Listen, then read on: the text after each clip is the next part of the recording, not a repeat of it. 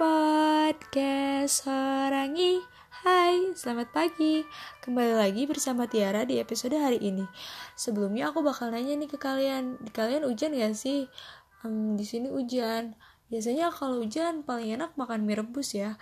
Ditambah tehnya teh hangat Terus pakai selimut Terus kita dengerin podcast aku kali ini. Habis itu bobo deh. Haha, bercanda. Oh ya, Episode kali ini, aku bakal membahas tentang sesuatu yang jadi hal paling krusial loh di kalangan remaja. Yap, benar banget, yaitu penggunaan bahasa Indonesia di kalangan milenial dan eksistensi bahasa Indonesia di kalangan internasional. Um, selamat datang di podcast ya. Semoga kalian gak bosen selama 12 menit ke depan bakal ditemenin aku ya sebenarnya aku juga agak takut sih karena kan ini lumayan krusial ya pembahasannya takutnya ada salah tapi ayo kita coba bahas. Um, ya sebetul lagi kira-kira aku bakal nanya nih ke kalian apa sih yang terlintas di benak kalian kalau aku bilang bahasa Indonesia? Yaps, benar banget. Bahasa Indonesia itu bahasa resmi bahasa bangsa Indonesia kan yang punya peranan penting pada seluruh aspek kehidupan, terutama dalam hal komunikasi. Tapi, seiring berjalannya waktu, itu banyak banget pengaruh asing yang membuat bahasa Indonesia tuh jadi tergeser posisinya. E, terutama pada kalangan milenial ya. Seperti masuknya budaya K-pop, Japanese, terus English, um, ya semua itu nggak salah. Sama sekali nggak salah. Uh, justru kita harus mengapresiasi supaya kita bisa bersaing di kancah internasional. Tapi kita juga nggak bisa meninggalkan bahasa Indonesia sebagai bahasa resmi. Um, bahkan ya sekarang dari yang aku lihat itu justru banyak banget orang-orang yang di luar sana tuh lebih fasih kepada bahasa asing ketimbang bahasa Indonesia-nya sendiri. Kira-kira kenapa ya kayak gitu? Um, dari yang aku tangkep ya, banyak orang yang bilang kalau hal tersebut tuh karena uh, mereka uh, mempersiapkan diri buat menghadapi globalisasi di depan. Ya boleh sih, cuman kita bisa ambil contoh deh.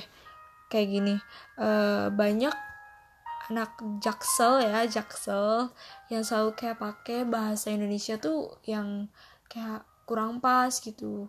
Um, kayak which is literally dicampur-campur gitu lah ya. Uh, terus kayak uh, orang-orang Betawi dan banyak lah sekarang milenial-milenial yang pakai istilah lo gue lo gue uh, lo gua lo gue dan ya bahasa-bahasa gaul yang lain gitu kan yang menyampur adukan antara bahasa Indonesia dengan bahasa Inggris gitu kan. Unik sih tapi itu juga bisa jadi bumerang sih buat kita buat bahasa Indonesia kita ini. Ya tapi kita semua dapat mengimbanginya nih ya. Kita nih semua nih bisa ngimbangin gitu dengan penggunaan bahasa Indonesia kita yang dipertingkat diperbaiki gitu kan menjadi lebih baik gitu kan. Uh, padahal ya di kancah internasional tuh bahasa Indonesia tuh bener-bener wow banget loh guys. Um, banyak loh negara yang mulai mempelajari bahasa Indonesia dan bahkan ada beberapa negara yang menjadikan bahasa Indonesia itu sebagai bahasa resmi kedua loh. Contohnya kayak Vietnam ya. Vietnam sudah meresmikan bahasa Indonesia itu sebagai bahasa resmi kedua. Keren banget kan? Harusnya kita juga sebagai remaja, sebagai milenial, kita juga harusnya bisa gitu kan membawa bahasa Indonesia kita tuh jadi lebih baik gitu. Negara lain aja bisa, gimana kita? Kita yang sudah dari lahir, sudah dari jabang bayi, sudah dari nenek moyang pakai bahasa Indonesia. Pasti kita bakal lebih baik kan? tapi tentu uh, ada pengaruh buruknya juga kan kayak ya semakin banyak apa ya bahasa asing yang kita pelajarin gitu kan. Semakin banyak juga gitu kosakata kosakata bahasa Indonesia kita yang hilang gitu kan. Tapi kan uh, itu tuh apa ya um, menjadi poin penting gitu loh. Supaya kita tuh bisa membawa nama baik Indonesia dengan bahasa Indonesia tuh menjadi lebih tinggi gitu kan.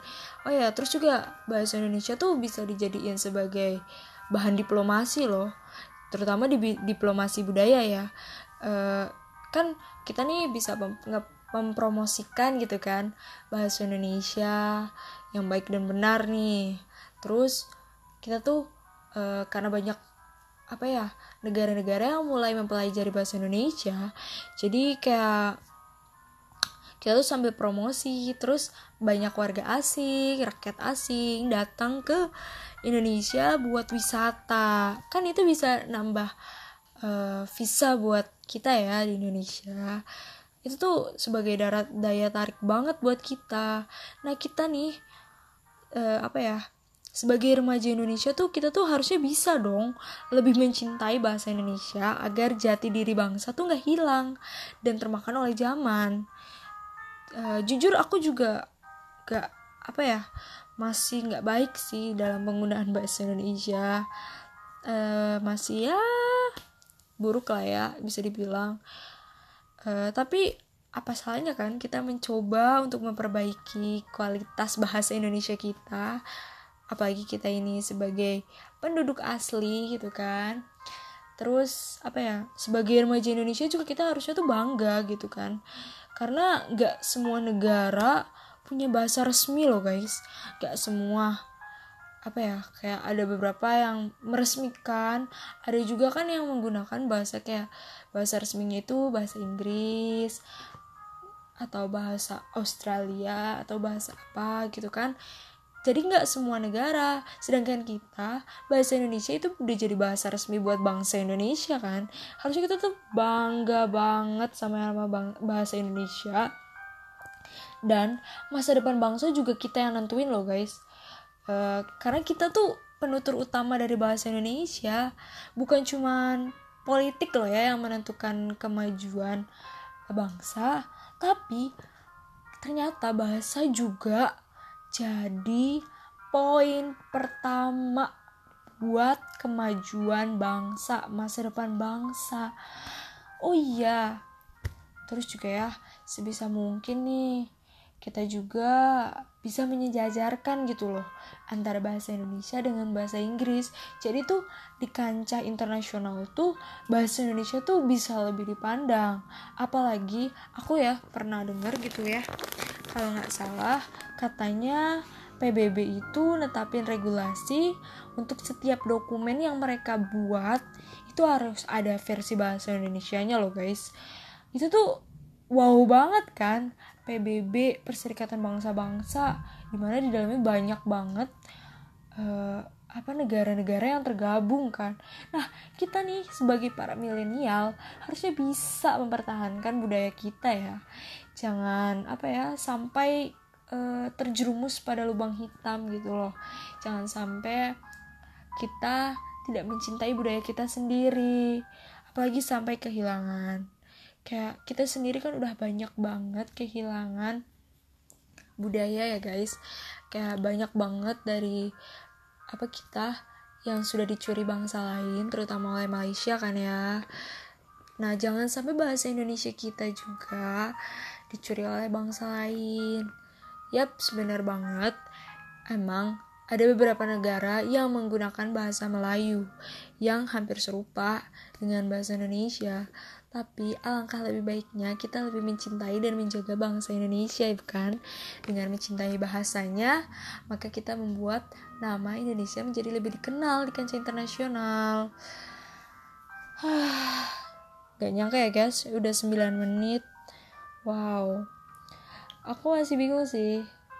Cuman kayaknya menarik ya pembahasan kita kali ini. Tapi sayangnya kita harus akhirin dulu nih guys. Um, itu aja kali ya episode kali ini. Uh, aku Tiara, Eits, tapi sebelum ditutup aku bakal nyanyi. tentang sesuatu di Jogja buat kalian yang kangen banget sama Jogja karena udah lama banget kita nih berdiam diri di rumah ya kan apalagi kita nggak bisa ketemu teman-teman um, aku bakal nyanyi sedikit aja. Maaf ya guys kalau suaranya jelek. Oke. Okay. um, terbawa lagi langkahku ke sana. Mantra pantai yang istimewa. Ku percaya selalu ada sesuatu di Jogja.